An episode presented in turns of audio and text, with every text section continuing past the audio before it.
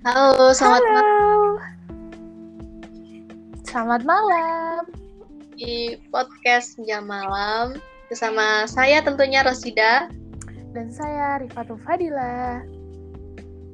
Mungkin teman kita nyusul nanti ya, satu orang lagi belum masuk. Iya. Baik, Badila, hari ini kita akan bah- bahas apa? Nah, jadi kemarin ini kan di Malang tuh ada suatu kasus yang Oh, ini. Kita sapa dulu. Halo guys, Oke, kita Bisa perkenalkan ya. diri dulu, Mbak Oh, Samsul. iya. oke kenalin nama aku Samsul Hidayat. Ya. Udah gitu aja. Jadi kita lanjut ya. Oke. Ya, Jadi kita tuh mau ngebahas apa sih malam ini gitu ya. Jadi kan kemarin ini itu ada berita eh, yang viral banget di Bener-bener. Di sosial media tentunya, apalagi di Malang. Jadi ini tuh ada seorang siswi siswi SMP yang dia ini eh, apa ya terkena apa sih terkena apa apa ya? Kena. mengalami. Yang mengalami yes, yang mengalami bullying oleh teman-temannya ini gitu. Jadi mungkin itu nanti kita bahas nanti, tapi sebelumnya masa awalnya kita langsung ke situ sih. Kita mau ngebahas apa dulu gitu. Mungkin ngebahas tentang apa itu bullying dulu lah Iya, sebagai iya. pengenalan. Ya, Boleh bisa. dijelasin sama temen-temen. Hmm. Siapa dulu nih? Mungkin teman-teman masih belum tahu apa itu bullying gitu kan. Ya, ya, ya, ya. ya.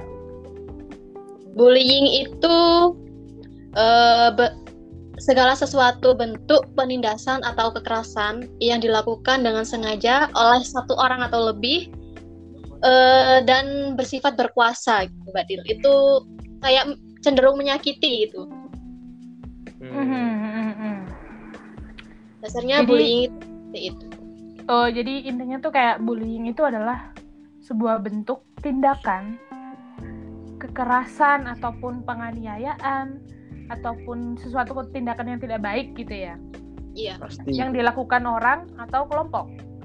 iya benar. Bener banget. Hmm. Nah, bullying ini kan tidak hanya terjadi di sekolah ya, tapi bener. ada beberapa tempat yang memang bisa terjadi adanya bullying tersebut. Bahkan orang-orang dewasa pun tuh banyak loh yang mengalami bullying itu. Iya benar. Bukan hanya di sekolah tapi di keluarga pun. Kadang merasa nggak sih sesama saudara deh contohnya. Iya, itu mungkin bukan bully ya, tapi kayak apa ya bercanda, bercanda mungkin. Bercanda tapi Kalau- kita ngerasa kayak intimidasi gitu. Iya, kalau sama saudara kan dia tujuannya bukan untuk menyakiti ya. Enggak lah. Iya, kalau kalau bully- bullying sendiri itu kan tujuannya untuk menyakiti dan dilakukannya secara eh, Sengaja. terus menerus, terus menerus dan sengaja tentunya.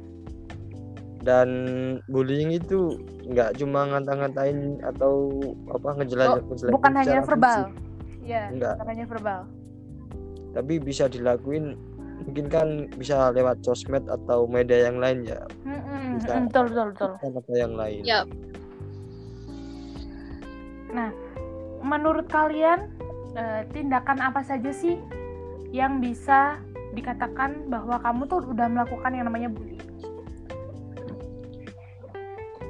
Jadi Mbak Rosida mungkin Silakan.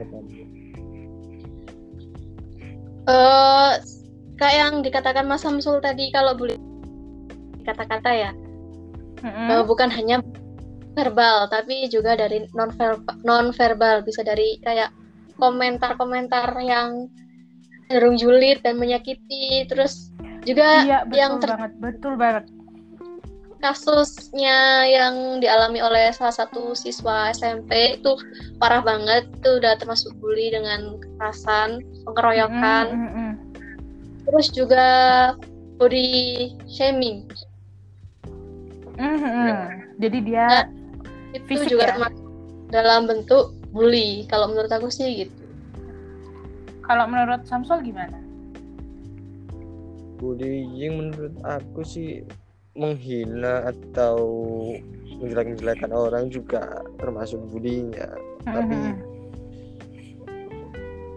meng- merendahkan martabat orang juga termasuk bullying menurut aku Mm-mm, betul betul. Nah Kayak mungkin sekarang lagi viral ini gimana ya mau nanggepinnya ya ini kasus juga nggak nggak sekarang ini baru terjadi iya iya banyak ya. Mungkin ini yang iya baru-baru baru-baru ini terekspos di media sosial gitu. Iya. Jadi mungkin eh, kita bisa memberikan informasi ya kepada pendengar bahwa bullying ini itu ada beberapa kelompok gitu. Mungkin aku Boleh bisa bisa ya, mungkin ya. Iya bisa silakan Mbak Iya. Dila. Jadi di sini tuh ada yang namanya kontak fisik langsung yang tadi dibilang sama Rosida dan Samsul bisa dari tindakan memukul, mendorong, menggigit, menjambak, menendang bahkan bahkan mengunci orang di dalam ruangan itu termasuk kontak fisik langsung loh. Kalau ada yang kedua adalah kontak verbal langsung. Di sini itu tindakannya seperti mengancam, mempermalukan, merendahkan, kayak mencela, terus kayak memberi nama panggilan yang aneh-aneh itu juga termasuk pembulian di kontak verbal langsung. Lalu yang ketiga adalah perilaku nonverbal langsung. Jadi ini itu tindakannya itu seperti eh, melihat seseorang tuh dengan sinis, terus kayak menampilkan ekspresi yang merendahkan, mengejek, itu termasuk nonverbal langsung. Kalau ada yang kelima, eh, empat, nonverbal tidak langsung itu kayak mendiamkan seseorang. Itu juga termasuk bullying loh guys. Mengucilkan mengabaikan dengan sengaja itu juga termasuk bullying. Wow ternyata sungguh luas ya. Iya ternyata Iya. luas. Bentuk-bentuk banyak banget. yang kelima ini itu yang banyak terjadi ya cyberbullying. Jadi ini tindakan menyakiti orang lain lewat sarana media elektronik biasanya ini digunakan kayak kita menghujat Iya menghujat orang, mengkritik orang tapi dengan hate speak hmm, head speech, ya body shaming itu juga bisa. nah Terus ada yang te- yang terakhir ini yang paling yang paling apa ya jahat sih menurut gue, yaitu pelecehan seksual itu juga termasuk Parah ini. bullying. Ini yang menurut gue Iya. paling parah sih. Di luar kendali kalau itu Iya karena kan pelecehan seksual ini tuh nanti dampaknya itu nggak hanya ke verbal tapi non verbal apa maksudnya Kritis. bukan hanya ke tubuhnya aja tapi psikisnya juga bisa nah kena gitu ya. Ya. Nah. Eh, aku mau tanya nih ke kalian berdua. Di sekitar kalian gitu ya, di lingkungan kalian, apakah kalian tuh pernah nggak sih menemui bullying itu atau tindakan bullying itu secara langsung kalian kalian temui gitu? Hmm, pernah pernah tapi kita mau nyegah itu kayak gimana ya kita itu kayak nggak ada hubungan gitu loh Mm-mm, takutnya dikira ikut campur gitu. ya? siapanya Eh, kita ngelarang takutnya mereka cuma bercanda tapi kita ngelihatnya itu kayak kayak bullying beneran gitu loh Mm-mm. Nah itu kan kayak dilema ya kayak mau ngelarang Hmm. tapi kita bukan siapa-siapa gitu. Iya, takutnya dikira ikut campur gitu ya. nah Apa sih bentuk bullying yang eh, Samsul temui di deket Samsul itu? banyak sih apa ya paling paling sering itu apa ya ngata-ngatain ngata-ngatain Hmm, hmm, hmm, hmm. Itu mungkin itu bullying paling gampang dilakukan ya. Karena nggak Iya. butuh nggak butuh alat, nggak butuh apa pun, cuma butuh Iya. mulut aja gitu. mereka langsung nyeplos aja gitu Iya betul sekali, betul banget, betul banget itu emang. Kalau Rosida gimana? Pernah nggak sih menemui bullying di sekitar Rosida itu dan bentuknya tuh seperti apa? Kalau aku sih akhir-akhir ini sering menemukan itu yaitu bullying di sosial media. Mm-mm. Banyak yang Lagi orang- marak. ya marah-marah, komen atau benar-benar ngejelek-jelekin sejelek-jeleknya gitu. Ngata-ngatain dengan kata-kata yang jorok atau udah parah banget pokoknya tuh ngelihatnya itu. Padahal yang ngepost konten atau informasi Mm-mm. itu tujuannya untuk memberikan edukasi atau s- hanya hiburan aja tapi malah dihujat oleh netizen dan orang-orang yang julid tadi itu itu yang sering aku Hmm. Di akhir-akhir ini sih mbak Dini mungkin bisa disimpulkan ya bahwa eh, di sekarang-sekarang ini tuh banyak banget bullying yang terjadi tuh kayak eh, ya pe- apa penghinaan di sosial media ataupun cyberbullying tadi. Terus Iya. sekarang tuh juga banyak menghina fisik seseorang tuh juga banyak banget guys. Iya. lihat Heeh. bukan hanya dari bentuk bentuk fisik loh ya, tapi kayak di saat seseorang tuh punya kekurangan di fisiknya tuh pasti orang yang gatel mulutnya tuh pasti udah udah ngomong segala macem tuh. ya Hmm, bukan hanya dari bentuk fisik loh ya, tapi di saat orang memiliki kekurangan di fisiknya tuh pasti udah gini tuh mulutnya. iya Nah, Terus kalau sering boleh ma- kalau boleh nambahin Heeh, heeh, silakan.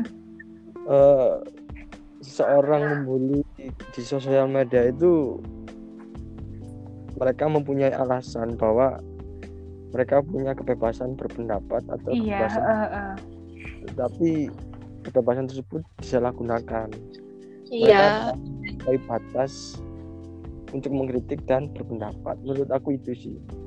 Karena kan kalau di sosial media tuh kan itu punya punya dia gitu kan ya. Dia mau Iya. ngomong apa pun tuh terserah dia gitu loh. Jadi kita tuh sebagai orang tuh nggak kayak kita siapa? gitu loh mau ngelarang dia tuh kita siapa? Ya. gitu. Kayak nggak punya hak gitu.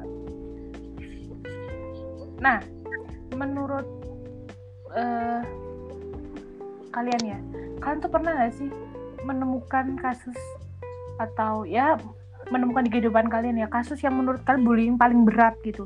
Sampai orang terdekat kalian tuh ada yang terkena dampak dari bullying tersebut dalam kehidupan nyata ini? Kehidupan nyata? Biar kita tuh lebih relate gitu loh sama mm-mm, kalau cuman bayang-bayangkan kan susah ya. Jadi kalian tuh pernah Iya. nggak gitu? Sampai ada orang yang cerita ke kalian aduh gue tuh pernah dibully gini eh gue tuh dampaknya kehidupan gue tuh kayak gini gitu. Sampai mereka tuh cerita apa dampak dari bullying itu gitu ada sih temen aku yang apa ya, kayak cadel gitu loh kayak Hmm, hmm, hmm, ngomongnya belibet gitu. Iya iya iya. Susah untuk bicara. Iya, itu susah untuk ngomong. Itu aduh gimana sih? Kayak dijadiin bahan hari. Candaan gitu ya? Ya dican- bercandaan. Tapi nggak wajar gitu loh sampai ke apa masuk ke ranah keluarganya juga di di dibahas juga di ya, hmm, hmm. Menurut aku sih menurut aku itu sih. Apa Ada dia tuh temen- apa dia tuh cerita nggak sih? Apa sih dampaknya yang dampaknya dari bullying yang terjadi sama dia itu? Dia dia jadi nggak pede buat bicara gitu. Karena setiap Hmm, kali hmm, dia hmm. bicara itu kan pasti kan orang ketawa. Ketawanya itu kan iya iya iya iya. kayak ngejek gitu loh. Menurut dia dia tersinggung karena itu. Hmm, sakit hati banget sih kalau aku. Sakit kayak banget. jadi dia awalnya prank jadi jadi pendiam iya jadi kayak orang tuh malah sulit untuk mem- apa ya sulit untuk bicara gitu loh nah itu kalau Rosida gimana Kalau aku pernah sih dengar cerita dari salah satu teman aku, dia itu di apa ya dikacangin satu kelas gitu loh Badil. Jadi dia Wow. di kelas punya temen, dia sendirian, apa apa selalu sendirian. Sampai dia pernah dipanggil di apa guru BK-nya ditanyain kamu punya masalah apa sama teman teman kamu? Hmm, hmm, hmm.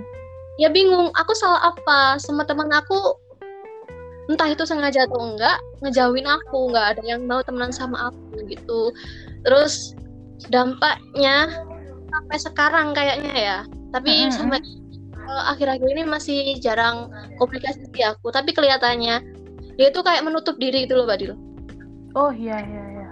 Sosialisasi sama teman jarang sosialisasi sama eh, apa teman sebaya atau teman-teman lingkungannya gitu. Jadi dia mau temenan tuh takut. Nanti kalau aku nggak ditemenin lagi gimana? Pikirannya Hmm. dia tuh kayak gitu. Dampaknya sih gitu.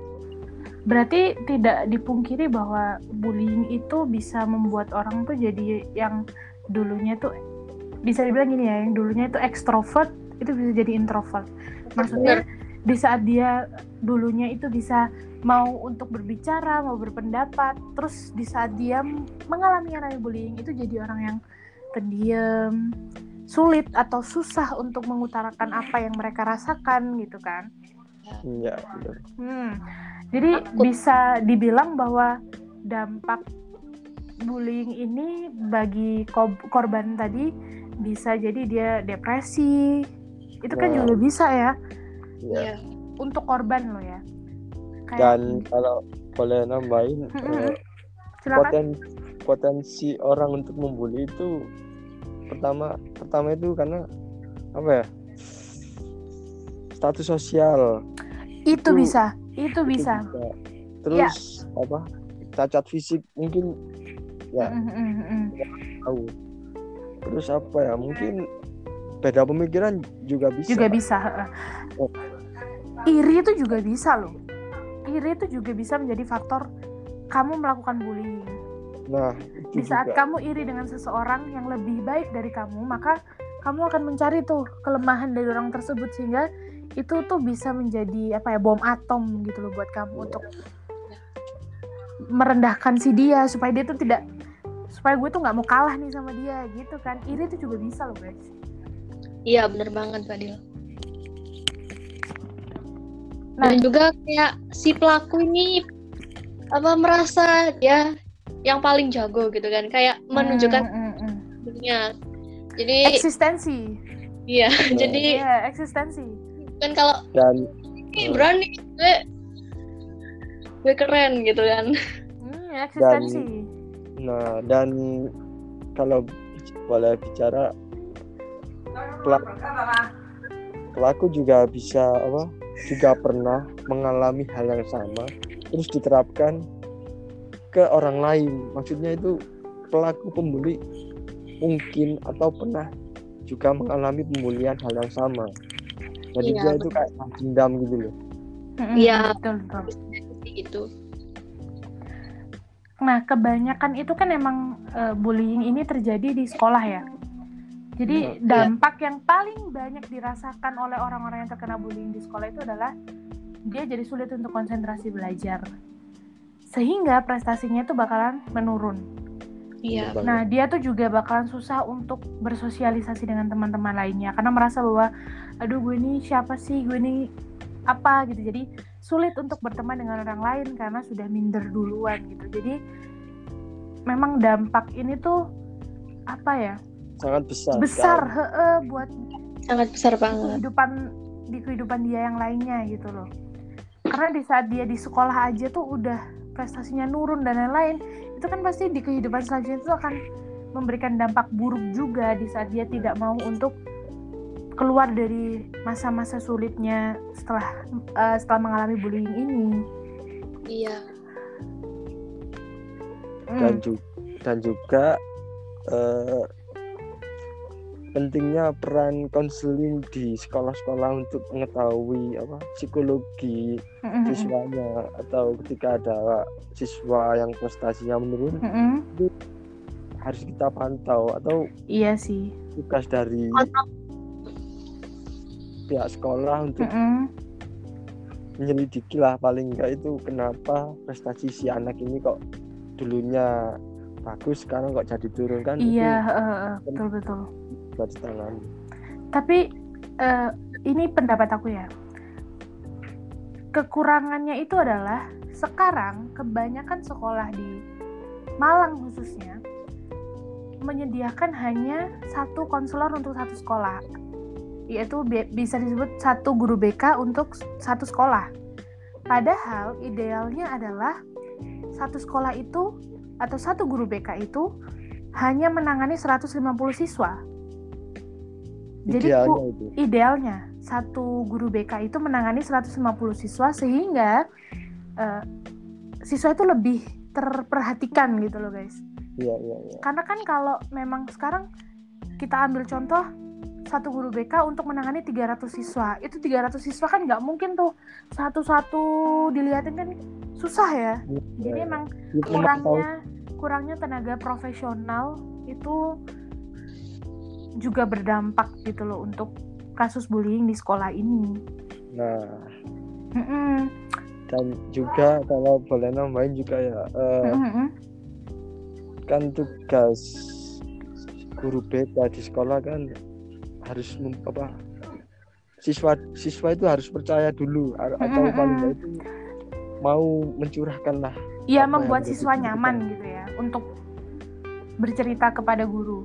Nah yang Karena- dialami Karena itu kalian apa ya ya karena kalian sadar gak sih guru BK di sekolah itu image-nya adalah polisi sekolah. nah Iya, Hmm. bener. Jadi itu udah salah dari awal gitu loh. Di saat kalian ada masalah, telat, yang ngehukum siapa? Guru BK. Kalian rambutnya panjang sedikit, yang hukum siapa? Guru BK. Kalian ada nakal sedikit, yang hukum guru BK. Karena itu sejujurnya bukan tugasnya dari guru BK itu sendiri gitu. itu lebih kayak militer Iya, karena kan emang udah salah dari awal gitu loh. Dari Iya. awalnya pihak sekolah memang menugaskan guru BK sebagai seperti itu ya. Sampai sekarang berjalannya ya akan seperti itu gitu. Karena nge- ngerubahnya itu nggak mungkin gampang dong. iya Iya, Kar- Ya. Karena yang dirubah itu bukan hanya satu sekolah, tapi sistem semua sekolah yang menerapkan bahwa guru BK ini sebagai polisi sekolah gitu. nah Kayak udah udah tertanam di otaknya siswa-siswa gitu loh teman-teman. iya Mm, dan Iya, juga mengalami apa para siswa atau anak-anak muda sekarang kan krisis kepercayaan Maksudnya- Kepercayaan diri. Iya betul betul betul. Setuju banget. mereka lebih percaya kepada orang lain daripada Mm. ke keluarga sendiri atau orang yang atau guru BK lah yang Iya, kita iya, iya. Jadi ketika mereka mengalami masalah atau itu larinya itu ke teman terdekat. Nah, kita lihat teman terdekatnya ini baik apa enggak kalau ngasih Heeh, solusi. betul. Nah, takutnya kan malah lebih parah. Iya, karena Larinya curhat ke temen tuh belum tentu kan kita nggak tahu ya temen ya guys. Iya. Kan Iya, ada yang menjem- menjerumuskan atau malah iya betul, solusi. betul, betul, betul. Mm-mm. Kalau apa kaitannya sama kasus ini yang udah dikatain sama teman-teman tadi semua dari macam-macam bulian dan eh, dampak dari pembulian.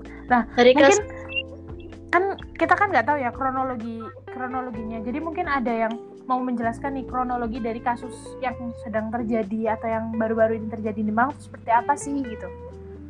Silakan Mbak Dila dijelaskan Oh, ya silakan. Oke, jadi baru-baru ini tuh ada video yang viral yang diupload di seluruh platform media sosial bahwa Oke. ada se- seorang siswi SMP di daerah Malang yang dia ini dibully sama teman-temannya. Sekitar 10 orang. Wow, banyak banget. Parah. 10 orang. Dan sampai sekarang ini siswi ini itu eh, ya mengalami apa? tubuhnya Coba yang banyak luka-luka dan psikisnya yang terkena karena penganiayaan ini tuh dilakukan dia diinjak, dipukul pakai sendal. Widih. Di video tersebut ya, dia diinjak, dipukul pakai sendal. Terus sebelum dianiaya itu dia dicabuli sama seseorang. Iya. Dan temen-temen yang mencabuli dia ini tuh bukan anak-anak SMP SMA, tapi dia ini udah punya istri. Waduh. Ya, benar. Mm-mm. Kejadian ini itu terjadi pada tanggal 18 November jam 10 mulai dari jam 10 sampai maghrib. Berarti lama dong. Waduh, lama banget. tuh. Seharian ya berarti. Iya, lama banget berarti. Dan kata di berita bahwa yang melakukan ini tuh bukan teman sekolahnya. Tapi dia Tapi? ini itu teman kumpulan eh, di perkumpulan lingkungan di panti asuhan si korban ini. Iya. Kalian tahu videonya nggak sih? Itu Iya, tahu wow aku banget udah sih. wow banget dan miris banget, kasihan Miris banget. banget. Yang jadi pertanyaan itu Hah? kenapa yang bully itu malah lingkungan panti asuhannya ya kita kita nggak tahu ya maksudnya se- apa Ya. alasannya itu kita nggak tahu pastinya kan iya kan jadi pertanyaan besar iya kalau bully itu malah temen yang setiap hari bersama dia kan harusnya panti asuhan itu kan mengayomi dan melindungi Hmm, bukan hmm. malah menjadi apa ya harusnya nggak ada kejadian seperti itu. Mm-mm. di di panti asuhan itu harusnya itu jauh dari dari panti asuhan. Dan mirisnya lagi ini kan videonya diupload ya guys. Jadi Nah. semua orang tuh tahu gitu loh. Dan Ya, pelaku-pelaku ini yang membuat gue kesel banget ya. Di saat dia selesai melakukan perbuatan tidak manusiawinya itu mereka ini ngajak si korban tuh foto bareng. Terus diupload di Instagramnya si pelaku wow. dengan kondisi si korban tuh udah kepalanya tuh udah aduh gak tega banget gue ngeliatnya udah ada darahnya gitu aduh sih Eh, kayak ternyata si korban ini tuh ayahnya adalah seorang ODGJ dan Hmm, ibunya hmm, hmm. adalah ART. Dia Iya. diasuh di salah satu panti asuhan di Kota Malang. Dan miris banget gitu loh. Perjalanan itu aduh bener-bener berat gitu kan. Orang tuanya kondisinya Nah. kayak gitu. Terus juga sekarang di usianya yang masih dibilang masa-masa bahagia kan ya mas? Kalau masa iya SMP ya Allah. Masa-masa ya kayak masa-masa bahagianya gitu malah dibully sama bukan dibully kok loh itu diperkosa dan di iya maksudnya iya dampaknya kan gede banget itu dari tubuhnya yang dianiaya terus psikisnya dia kena cabul tadi. Iya iya. Hmm. dan tapi bersyukurnya polisi itu cepet tanggep gitu loh teman-teman. Nah, ngomongin polisi nih, Re, aku mau tanya, aku penasaran banget, gimana sih perkembangan kasusnya untuk saat ini? Apakah polisi memenjarakan atau menghukum sesuai dengan undang-undang yang berlaku kepada per- bisa dibilang masih di bawah umur atau dibebaskan dengan alasan di bawah umur gitu? Gimana sih? siapa dulu Mungkin Mbak Dila. Dila. jadi dari berita-berita yang eh, aku baca nih ya ini tuh ada 10 orang yang sudah diamankan di Polresta Malang Kota dari 10 ini itu kalau nggak salah 8 or 8 anak ya yang di bawah umur polisi itu masih eh, apa ya masih apa sih namanya tuh kayak dia tuh masih memberikan plat apa ya pendampingan kepada korban tentang Ah. sanksi yang akan dijatuhkan. Karena kan ini dia di bawah umur ya teman-teman. Iya iya. Iya, jadi polisi juga didampingi sama psikolog, P2TP 2A dan Bapas untuk mendiskusikan nih apa sanksi yang tepat yang dijatuhkan kepada si 8 anak ini yang di bawah umur ini. Gitu Miris ya, banget ya kasihan.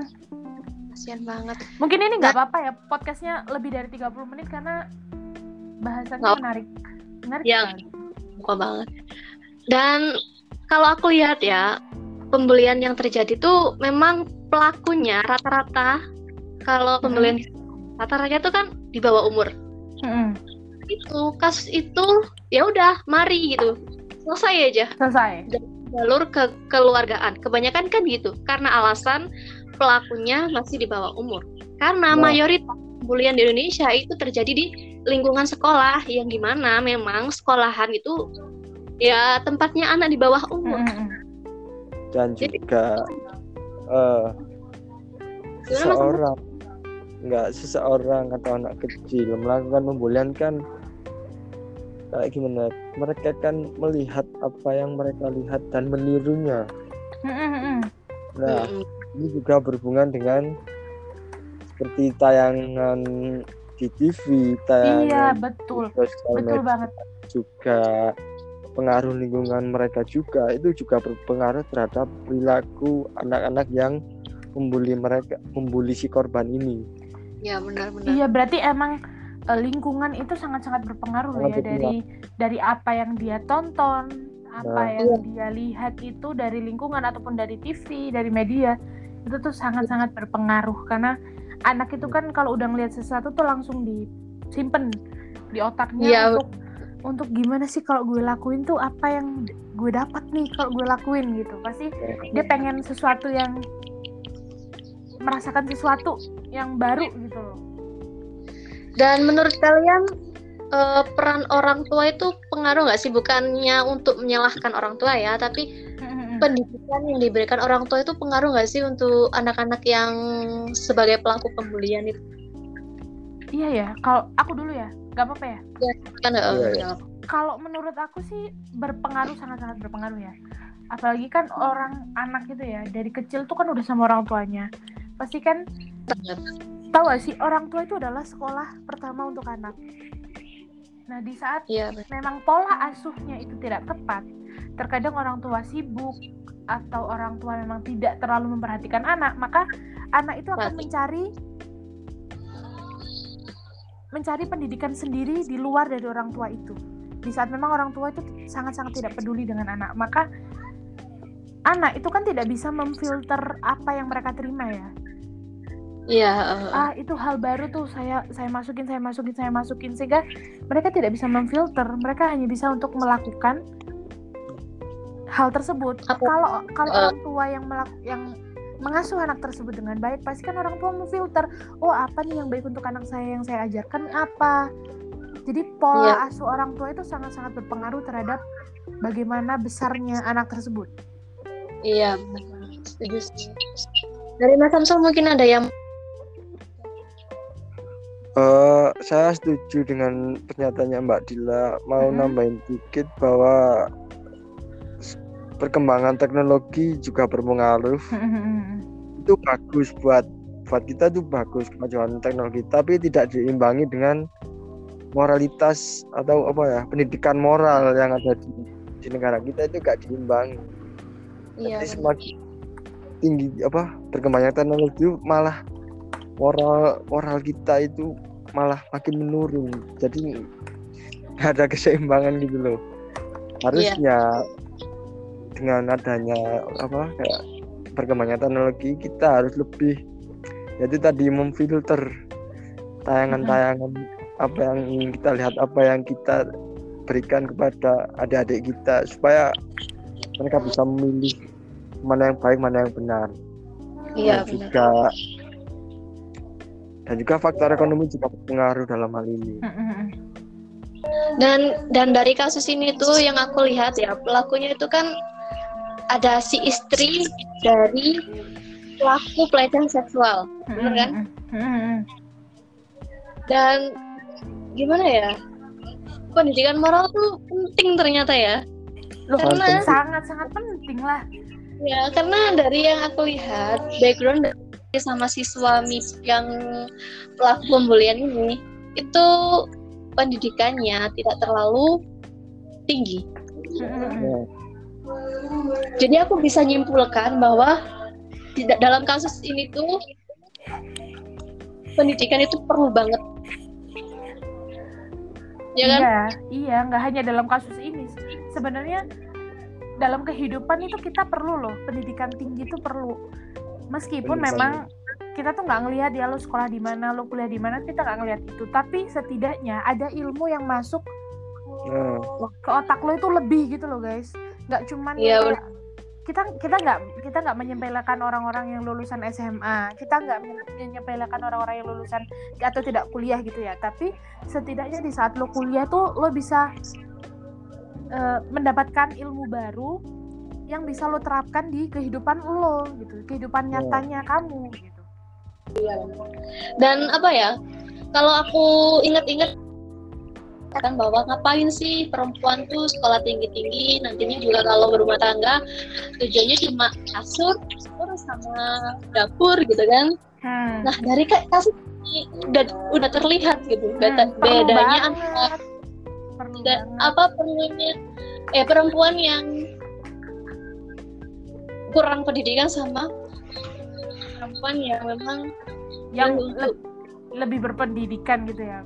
ya Ya. jadi karena pendidikan perlu itu kan banget pendidikan itu kan diterapkan untuk anaknya juga gitu loh ya Iya. setidaknya tuh kita tuh nggak terlihat buruk gitu loh di depan anak kita nanti gitu loh Iya, teman-teman karena ya bis- biar bisa apa anak-anak itu kan mencontoh ya apa yang dilakukan sama orang tuanya di saat di saat perlakuan orang tua itu memang tidak baik anak-anak pasti mencontoh itu gitu. Karena dua berapa jam 24 jam dia di rumah. Itu kan bertemunya sama orang tua. Apa pun yang Iya. dilakukan orang tua itu pasti dicontoh. Iya benar. Jadi pendidikan itu sangat penting teman-teman. Kalau kalian ya memang kita tidak memaksakan kalian untuk kuliah atau ya pendidikan lanjutan gitu ya. Tapi setidaknya kalau memang ada kesempatan tidak salah untuk mengambil kuliah gitu loh iya meneruskan SMA SMK juga nggak apa-apa itu juga baik Dan yang terpenting itu bukan hanya pendidikan akadem- akademis aja yang diterapkan, Hmm. tapi pendidikan moral. moral agama Iya, dan lingkungan juga berpengaruh. lingkungan heeh. jadi Iya. pintar-pintar untuk memilih lingkungan Nah, pertemanan itu juga penting. Bukannya untuk memilih teman maksudnya oh gue mau temenan yang sama yang kaya aja gitu. Enggak Oh. tapi memilih teman yang berkualitas gitu loh. Yang berkualitas Dan- benar. Iya yang Iya. bisa membawa kamu itu ke kamu yang lebih baik. Nggak hanya bermanfaat untuk segi ekonomi aja tapi segi ya, bisa membawa pengaruh baik dari segi otak dari segi pengetahuan Iya. ilmu agama itu juga perlu dan mau nambahin, kita boleh berteman dengan siapa saja, asal ketika kita bertem- berteman dengan orang yang kurang baik, kita tidak perlu ikut apa yang tidak baik dari dia. Kita Terus- tidak terpengaruh arus, maksudnya gitu. ya ber- berteman sama orang tuh yang baiknya dicontoh yang jeleknya juga jangan dicontoh Iya, dibuang Nah, aku harap Karena- ya ini tuh didengerin sama adik-adik kita yang sekarang masih dalam pertumbuhan bahwa milih teman tuh penting rek. Bukan eh, maksudnya berteman tuh gak apa-apa. Berteman tuh boleh sama siapa aja tapi kita itu harus memilih mana yang benar. Kalau yang benar ya kita pakai kalau yang enggak ya gak usah ditiru. Lebih baik kalau orang yang mempunyai teman yang tidak benar itu bisa memperbaiki si orang itu. Itu lebih baik. Lebih lebih baik. baik mengajak dia Mantap. untuk mengajak dia untuk ikut ke circle yang better daripada sebelumnya. Iya dan aku harap juga siswa-siswa SMP atau siswa-siswa yang ada di Indonesia ini belajar dari kasus pembulian yang sudah ada. Bahwa pembulian itu nggak baik benar-benar nggak baik bagi korban dan juga bagi kalian sendiri. Bagi, bagi kalian yang membuli mungkin sekarang kalian masih merasa hebat gitu kan. Tapi aku percaya banget bahwa hukum karma itu ada. Iya. anak setuju. Kalian atau kalian sendiri itu pasti akan menerima balasan dengan apa yang kalian lakukan sekarang gitu loh. Jadi pembulian itu benar-benar gak baik banget. Mm-mm. mungkin ini juga bisa jadi penutup ya Ros. Iya, iya, iya. Eh, jadi buat kalian ini eh, kayak pesen bukan pesen apa ya? Pesen ya? Himbauan. Iya, buat kalian yang mau menunjukkan jati diri kalian kehebatan kalian tuh jangan ditunjukkan dengan perilaku seperti ini gitu loh. Tunjukkan Iya. dengan prestasi kalian kemampuan kalian. Karena di saat kalian menunjukkan dengan kemampuan dan prestasi itu akan membuat orang banyak tuh lebih bangga ke kalian gitu loh, daripada dengan seperti ini bukannya malah membuat orang banyak bangga kepada kalian tapi malah orang lain tuh jadi benci gitu sama kalian. Karena apa yang kalian lakukan mungkin dari Jadi aku Samsul harap- gimana? aku harap ya silakan mas Samsul buat buat karena yang atau kita atau bangga dengan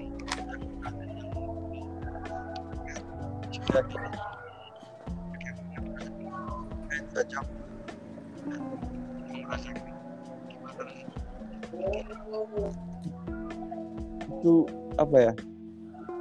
Lebih menyakitkan lah. Udah itu aja mungkin dari aku. ya gimana Ros? Oke, akhir kata, akhir kata semoga podcast kita hari ini dan semoga yang kita sampaikan tentang pembulian tadi bermanfaat. Benar dan aku berharap lagi bahwa pembulian semoga pembulian di Indonesia sudah benar-benar tidak ada lagi. Semoga kasus seperti ini adalah kasus terakhir yang terjadi di Indonesia, kasus pembulian yang seperti ini. Mungkin ada pesan terakhir dari Badila. Stop bullying guys, stop bullying. Udah itu aja aku mah. Ya mungkin itu dulu yang bisa kita sampaikan. Saya Rosida pamit undur diri. Terima kasih sudah mendengarkan podcast kami. Iya, Yang Saya- baik diambil, yang undur diri. jelek nggak usah didengerin. Saya Rifatu Fadila undur, undur diri juga. Saya Samsul Hidayat. Dua, dua kali gue. Gak apa-apa, gak apa-apa, gak apa-apa. Oke, have a nice day, have a nice Have a night. nice day. Bye-bye. Bye bye. Assalamualaikum. Bye. Salam. Waalaikumsalam.